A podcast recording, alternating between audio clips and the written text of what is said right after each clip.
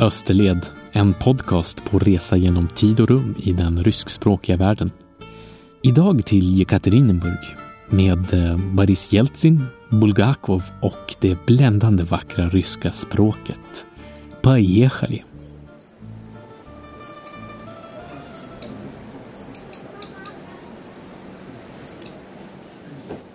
Stjopa i Mästaren och Margarita vaknar fullkomligt sprängd.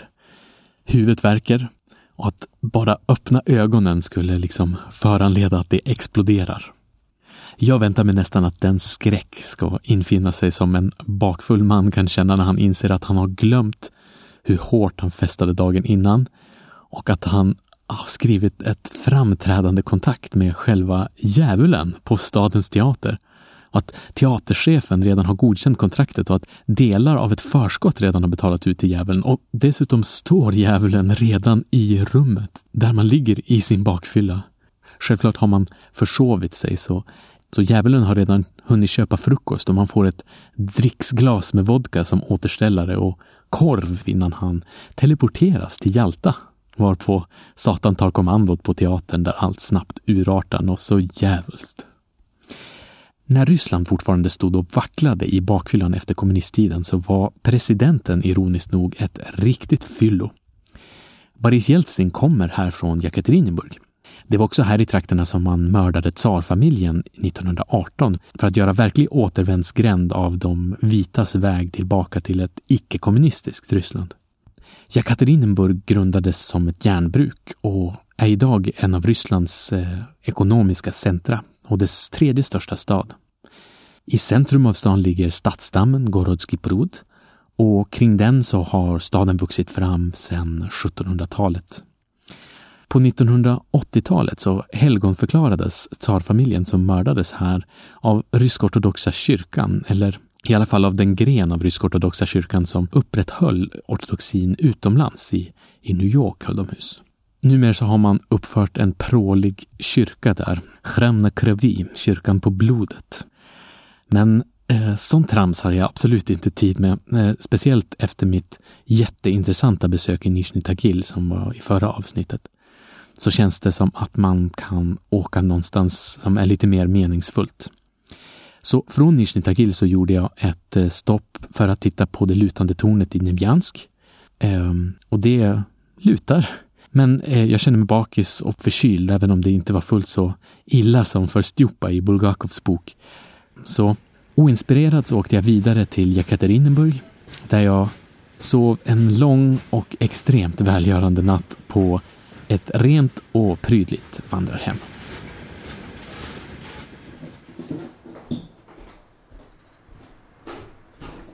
Här på vandrarhemmet är allt utmärkt i Jekaterinburg. Jag har... Ehm, jag kommer kunna tvätta mina kläder idag eh, husvärden, eller ska man säga receptionen, är mycket tålmodig med min ryska. Det är någonting som jag alltid uppskattar. Och så har jag vilat upp mig här. För igår så kände jag mig fullkomligt genomsliten. Jag eh, svalde två Alvedon och drack en liter vatten. Och sen så sov jag som ett barn i det som först verkade som en jätteoskön, eh, gnisslig våningssäng, men som visade sig vara helt fantastisk. Och nu mår jag som en prins och är superentusiastisk inför att gå runt i Jekaterinburg och utforska stan. Jag ska kolla in ett ställe som heter Litterära staden, där det författare höll hus eller där man har gjort museer över författare och sen åka upp i ett utkikstorn och se Jekaterinburg från ovan och ja, vandra runt. Från vad jag såg igår så känns Jekaterinburg mycket fräscht och uppstyrt, eller vad ska jag säga, rent jämfört med Nizjnij Tagil. Ehm, så det är lite grann som att återvända till civilisationen e-, eller återvända till pengar i alla fall. För här finns det pengar och det kanske det inte fanns i Nizjnij Tagil. Allt är rent och snyggt och storstadigt. Rukapisi не Manuskript brinna icke. Bulgakov brände själv sitt eget manuskript till Mästaren och Margarita.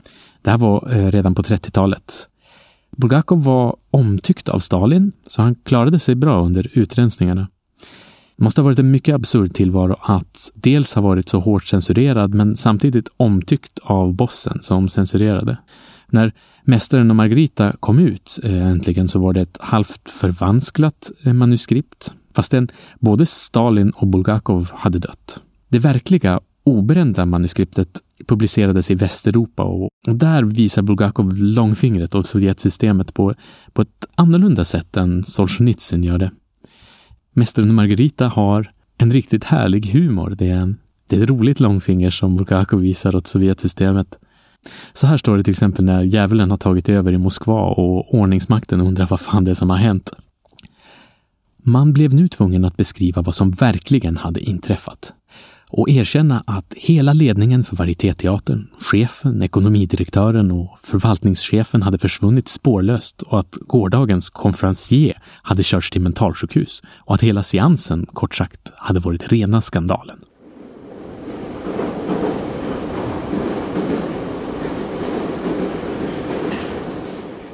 Det postsovjetiska Rysslands första president, Boris Jeltsin, han kom ju från Jekaterinburg. Och här finns det ett fantastiskt museum över hans politiska gärning och över honom och över den här tiden när Sovjetunionen övergick i det nya Ryssland. Jeltsin var en av huvudpersonerna i den här övergången från Sovjetimperium till Rysk federation. Det är ett jätteintressant museum det här på flera nivåer. Jag ska försöka förklara vad jag menar med det, för det behöver nystas ut lite grann. Vi tänker oss kanske att Jeltsin bara var ett fyllo. Och det var han också. Men under de sista åren av Sovjetunionen så ordnade han in sig som en ledande figur bland de som motsatte sig hela kommunistiska systemet. Han lämnade sensationellt politbyrån och kom ut som oppositionell till det kommunistiska etablissemanget. Politbyrån var ju det kommunistiska partiets ledning. Så Jeltsin var alltså en del först av den absoluta politiska toppen i kommunistsystemet. Men när Sovjetunionen var på väg att falla sönder under perestrojkan, då hoppade han av. De första och sista valen i Sovjetunionen lyfte fram honom som president i den ryska delstaten i Sovjetunionen. Det fanns ju 15 delstater och, och ryska federativa SSR var en av dem. Det är den som senare blev Ryssland.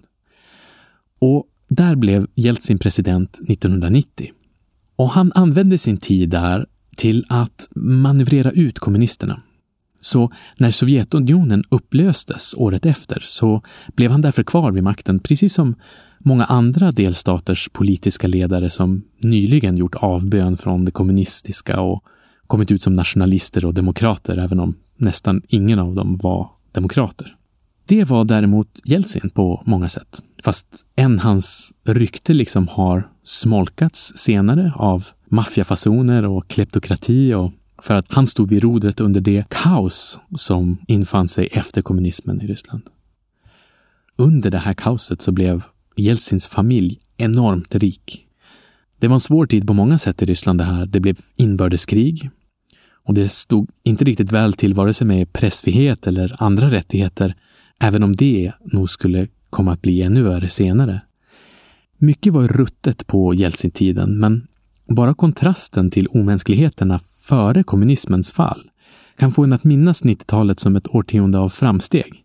Även om det också är sant att många hade det bättre under Sovjetsystemets sista årtionde i termer av jobb och elförsörjning och ordning och reda. Under 90-talet så var det arbetslöshet, ingen elförsörjning och oordning och oreda.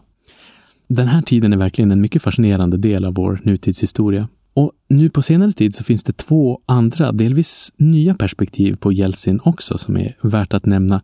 I väst så tyckte man att det var gött att ha Jeltsin på plats i Ryssland. Han var en demokrat som nu satt vid Sovjetunionens gamla kärnvapenknappar.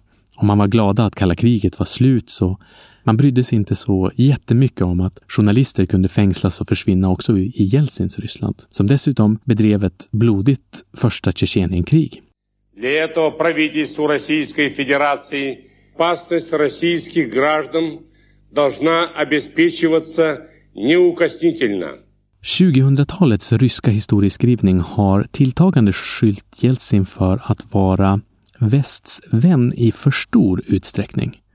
Och han beskylls för att ha demolerat det stolta Sovjetryssland, vilket förminskade Rysslands ställning i världen. Den här historieskrivningen kanske säger mer om Putin-eran än den gör om Jeltsin själv. Jeltsin är ju alltså ingen otvetydig landsfader.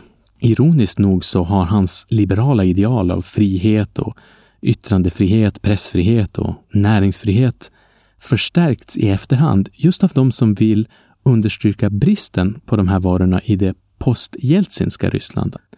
Den här juxtaposeringen som har uppkommit efter Jeltsins tid vid makten är nog så viktig som den skiljelinje som gick mellan Ryssland före och efter Sovjetunionens fall. Om Sovjetnostalgiska nationalister vill trasha Jeltsins renommé nu för tiden så lyfter andra, som motreaktion till det, upp Jeltsin som en motpol till de som kritiserar honom, som en demokrat och som en frihetskämpe. Utställningarna på Jeltsincentret är bra, men de har också exempel på just det här kontranarrativet, tycker jag. Att man försöker lyfta fram Jeltsin på ett visst sätt och relatera bilden som man lyfter fram till andra bilder av Jeltsin. Och den här tiden och Jeltsins eftermäle, det är en del i en omtvistad och föränderlig historieskrivning om presidenten. Här lyfter man verkligen fram Jeltsin som en demokrat. Han var en man som strävade efter friheter som aldrig fanns i Sovjetunionen, som frihet till religion och ekonomisk aktivitet. Och nu är jag i en nydekorerad eh, sal här som eh, har, det finns som inget i den, men det är stora fönster ut mot dammen och på väggen eh, så står det skrivet Svoboda, frihet. Idag saknas kanske några av de här friheterna som man vill göra gällande att Jeltsin skulle ha levererat. Uttrycksfriheten i pressen, kanske inte minst. Ryssland får svidande dåligt betyg av Reportrar utan gränser och är känt för att spärra in politiska aktivister och demonstrationsledare. I den bemärkelsen så känns det här museet lite kontroversiellt eftersom Jeltsins frihetsbudskap lyfts fram så väldigt starkt.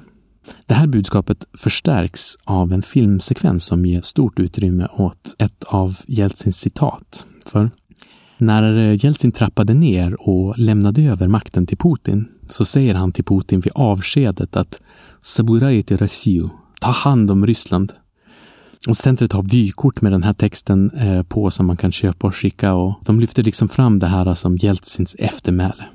Och det blir lite en öppen fråga då, ifall Putin har tagit hand om Ryssland eller inte. Men jag ska säga att jag tycker att det här museet är väldigt bra. Eh, men det har ändå visat sig kontroversiellt på andra sätt också.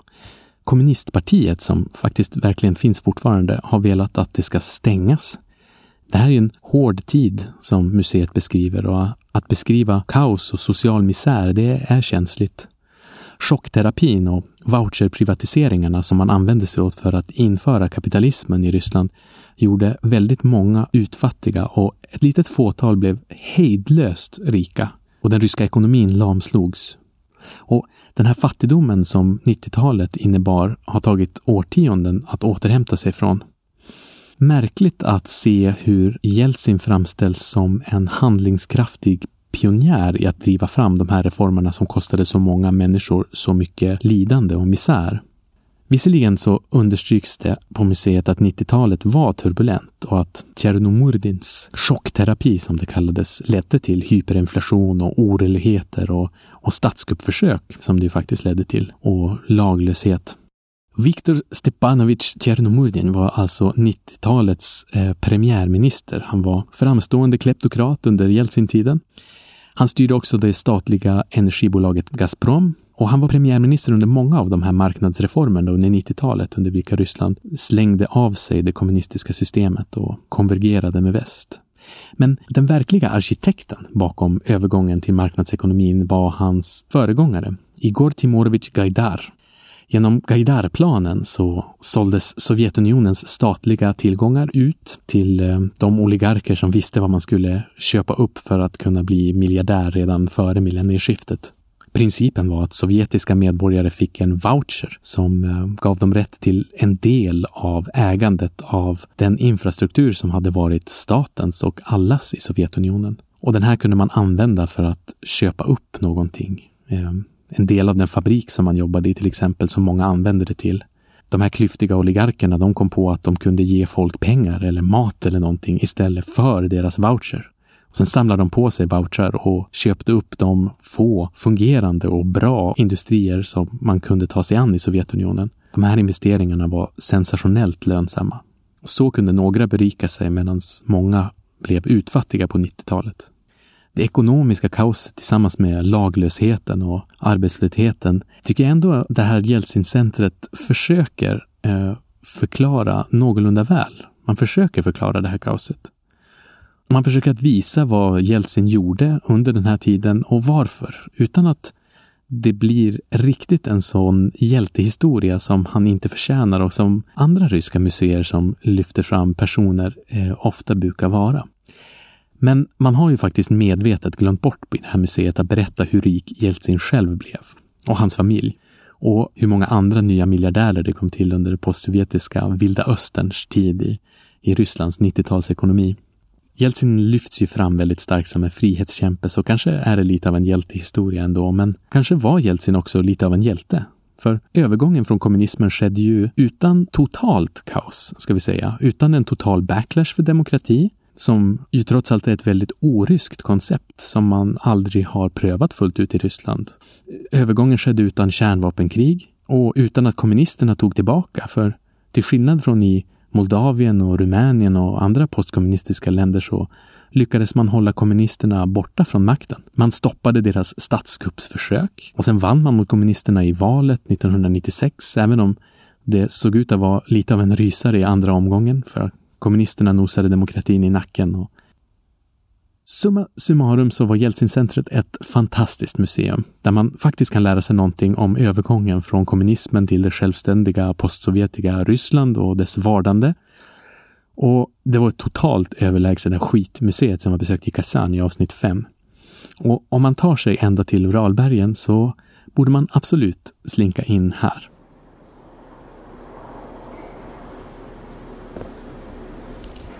Det här är tråkigt, men jag har ju rest med ett litet resebibliotek ända tills nu. Och de här böckerna som jag har läst, de har jag ju läst. Jag har läst ut dem och min packning är så liten att jag inte känner att jag har råd att bära runt på dem. Så nu har jag hittat en ge och ta-hylla här i Literalny kvartal som är eh, ett litteraturmuseum eller litteratörmuseum kanske man ska säga. Det är ett gäng olika träbyggnader som är museer för ryska författare här från Uralregionen. Och eh, i ett plank på en av de här trähusen, som en liten bakgård vid en park, så finns det en ge och ta-hylla. Folk verkar ha ställt dit lite allt möjligt. Eh, så om det kommer någon svensk förbi här så kan de plocka upp dikter av Achmatova eller Mandelstam en diktsamling lyckades jag förresten redan kränga bort till några svenskar som jag hörde prata svenska utanför Jeltsincentret. De blev eh, lite förvånade kan man säga, men nöjda. Eh, så nu lättar alltså packningen eh, lite grann. Men ungefär hälften av mina böcker har jag kvar. Eh, just nu så läser jag Steppen av Tjechov som jag tycker är lämpligt nu när jag ska ut i Sibirien. Å ena sidan så är det sjukt värt att kunna lite ryska när man reser i Ryssland. Eh, både av praktiska och av kulturella skäl. Ryska är ju ett lingua franca i de flesta postsovjetiska länder och utan ryska är det som att resa i Västeuropa utan engelska kan jag tänka mig. För mig är det viktigaste skälet att lära mig ryska när jag reser här att det är fantastiskt att kunna prata med folk eh, och lära känna människor och prata om vardagliga eller livsavgörande saker med folk vars öden annars vore så långt ifrån en, men som plötsligt blir nära liksom när man kan prata med varandra. Och varje språk är en ny värld och den ryskspråkiga världen har en helt egen charm. I Timurland, Timur den Lames födelsestad Shahresabs i Uzbekistan så träffade jag en vitskäggig gammal gubbe som var böneledare Och som pojk så hade han varit stationerad i Berlin just efter andra världskriget när Sovjetunionen räddade Europa från fascismen, sa han. Han hade alltså varit på besök hos mig och nu var jag hos honom. Det här var första gången som jag träffade en Röda armén-veteran från andra världskriget och det kändes som att historiens vindslag liksom fladdrade i hans skägg. Och sen pratade han mest om priset på tomater och om renovationen av eh, den här huvudgatan i Charizabs som han tyckte var smaklös och hänsynslös. Och det här hade varit hopplöst utan ryska. Det är sådana här möten som gör att timmarna av självstudier i det här faktiskt gränslöst komplicerade språket är värt mödan.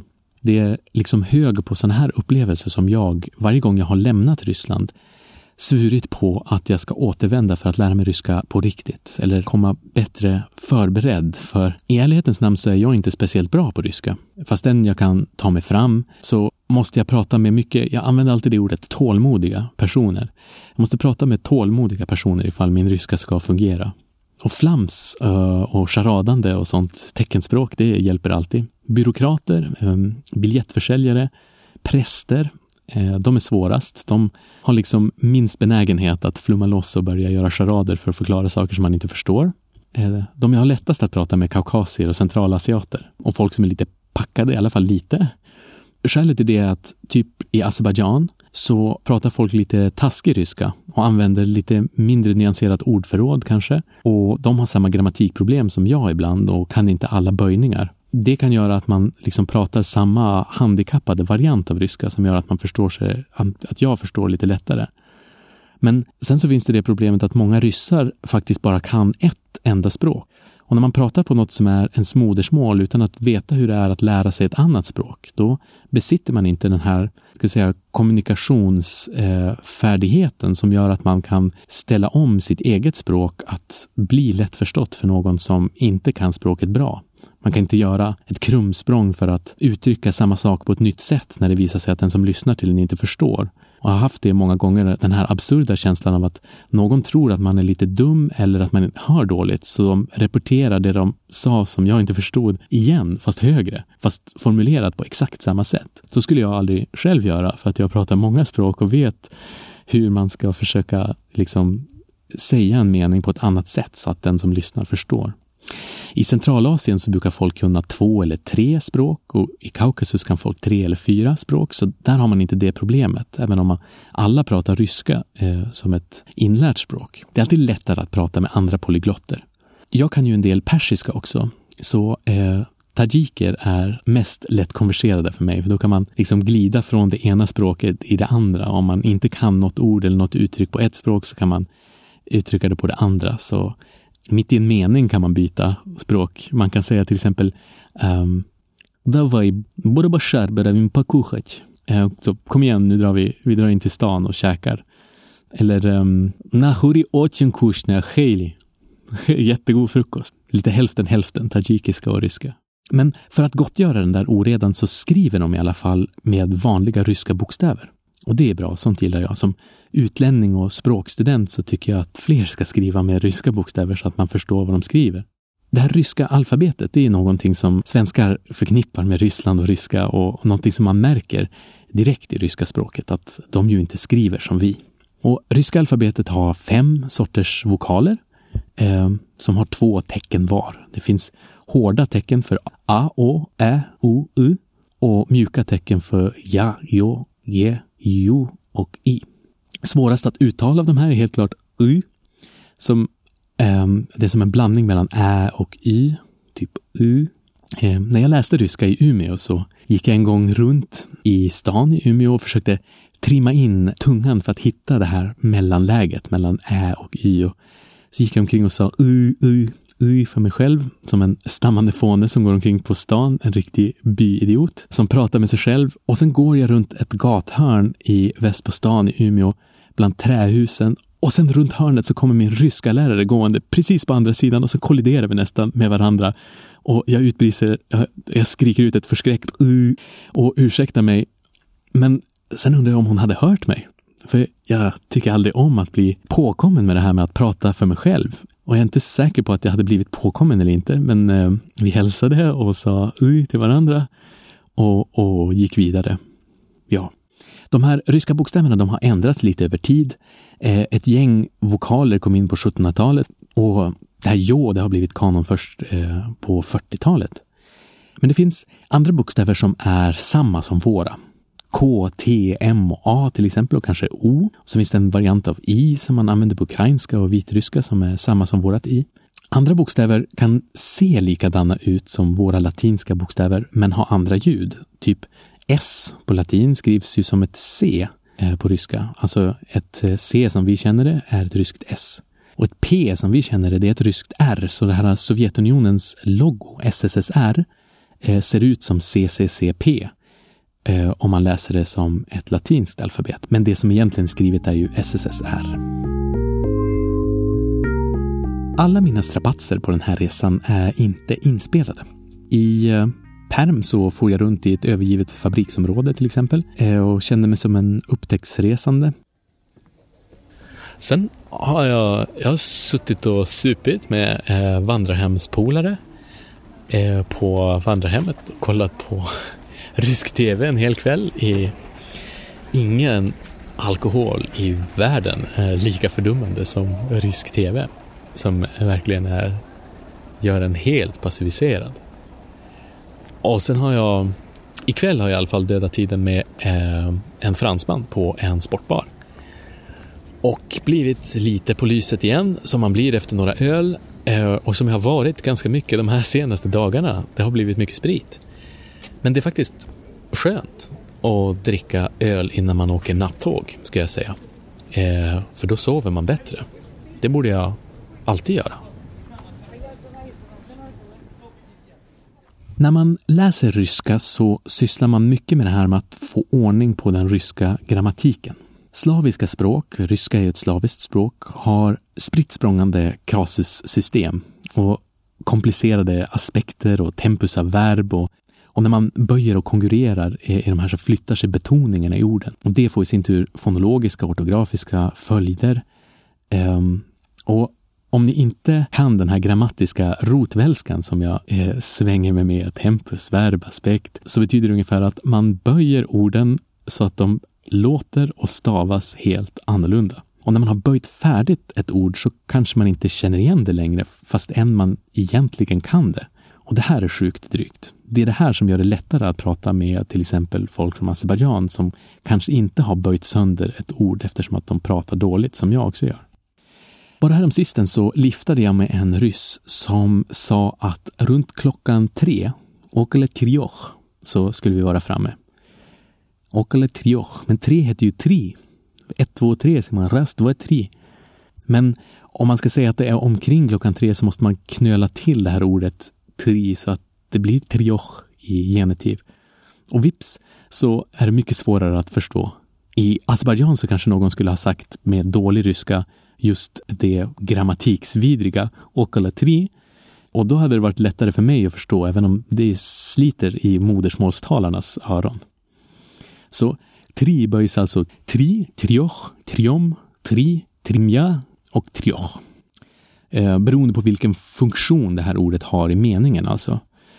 Det är svårt att snabbförklara det här med kasus för den som inte vet alls vad jag menar, men Kort sagt så är det så att språket är gjort så att man böjer substantiv, alltså namn på saker, efter vad de här sakerna gör i en mening. Vatten är blått. I den meningen så blir vatten bara vanligt, nominativ kallas det. Vatten heter vodi, så då blir det vodi eh, som är blått. Men jag dricker vatten då. Då utsätts ju vattnet plötsligt för en handling, i det här fallet drickande, och det som dricks måste böjas i ackusativ. Vodu blir då vodu med o. Jag dricker vatten. Ja, pju vodu. Om man är i vattnet så kan man säga ja vodje. Jag är i vattnet vodje med e. Det kasuset heter lokativ för någonting som är på en viss plats. Och det häftiga är att vi hade det så här i svenskan förut och för länge sedan. Och i vårt kusinspråk isländska så håller man fortfarande på med sånt här. Eh, vattnet heter på isländska vattnið och jag är i vattnet heter jag är i vattni nu, inte vattnið. Vattnet måste böjas här när man är i det. när man pratar ett språk med levande kasusystem så måste man hålla koll på vad som görs så att man kan böja rätt. Och det här att böja rätt, det har två stora problem. Dels så måste man veta vilket kasus någonting ska vara böjt i när man uttrycker en, en viss sak. Och det är inte alltid helt lätt när man har vuxit upp i ett språk som har ganska hopfallna kasussystem som svenskan har, för har svårt att känna när någonting ska vara ett dativ eller ett, ett kasus som ska in. När man väl vet vilket kasus som ska vara där så eh, måste man också veta hur det ska låta när man har böjt det. De här böjningstabellerna, som TRI som jag läste upp tidigare, de är inte alls helt enkla. Varje ord kan ha väldigt många former och dessutom ändras betoningarna och ljuden när man böjer. Så bara för att man har lärt sig att gåret betyder stad så behöver inte det alls betyda att man är säker på hur man ska böja gåret i genitiv plural, till exempel om man vet att det är det som man måste böja gårat som. Gåret stavas G-O-R-O-D, men eh, on som inte är betonade, de tappar ljudet O och låter mer som A. Gåret betonas på första stavelsen, så då blir det gåret. Och A blir A, men D som är i slutet, det låter som T, för att i slutet av ord så tonar man inte konsonanterna. Krabba heter krapp, till exempel. Krapp med P, som fast det stavas med B. Om man ska säga i staden så böjs det i lokativ, precis som vattnet som jag pratade om tidigare. Och då blir det fkuredje. Eh, och där hörs plötsligt det här D. Gorat blir fkuredje. D. Min stad heter Mojgorat, eller Gorat Moj. Mina städer heter Majigarada. I plural så hoppar betoningen till slutet av ordet. Man säger Garada, inte Gorada. Stadens center heter Centergorada i genitiv. På väg mot en stad heter Goradu med O. Goradu, men i plural så ändras betoningen igen, så på väg mot flera städer, eller på väg mot städer blir Garadam. Jag bor i staden blir Jezjivufgoradje. Och de här varianterna då, Gorat, Garada, Goradu, Garadam, Goredje, det är olika former av samma ord. Gör jag dålig reklam för ryskan nu kanske? Nej, eh, jag hoppas inte det. Det här är helt enkelt en utmaning. Och Ehm, en fascinerande, vacker och sammansatt utmaning. Det här med betoningarna är förresten ett helvete i sig. Och ni som kan ryska och har lyssnat på den här podden hör ju att jag gör fel hela tiden. Staden Vladivostok, som jag har kallat den, heter ju Vladivostok, inget annat. Jag har sagt Gosplan på svenska om Gosplan. Ehm, Chachlovka sa jag i förra, i förra, förra avsnittet tror jag om Chochlovka. Sovjetledaren Gorbatjov betonas ju kanske Gorbatjov. För ryssar så blir det lite konstigt när man felbetonar och säger Gorbatjov. Eh, blir som att säga Dostojevskij eller Dostojevskij om Dostojevskij, eh, som ju heter Dostojevskij på ryska eftersom att o förlorar sin, sin oklang där och blir lite mer aikt. Man kan bli galen för mindre, men eh, när man har satt sig in i den här komplexiteten så blir ryskan, som redan låter vackert som det är, ännu mer fantastiskt. Ett gudomligt språk. Så från Jekaterinburg så går resan i natt direkt till Tabolsk. Längs vägen så ligger Tumen som man ofta stannar och byter tåg i, men jag är inte intresserad av det utan jag åker med ett tåg som går direkt vidare till Sibiriens gamla huvudstad Tobolsk. Och i nästa avsnitt så testar jag min regntålighet. När jag satt inregnad i Tobolsk så reflekterade jag över mina tidigare resor i det som förut var Sovjetunionen. Flera gånger har jag rest genom Kaukasus och två månader i stöten har jag varit runt i Centralasien, alltså de länder som slutar på stan. I nästa avsnitt är det lite mindre action och lite mer återblickar. Men nu är det alltså slut för idag. Tills nästa gång. До встречи och eh, tack och hej. Спасибо. Пока.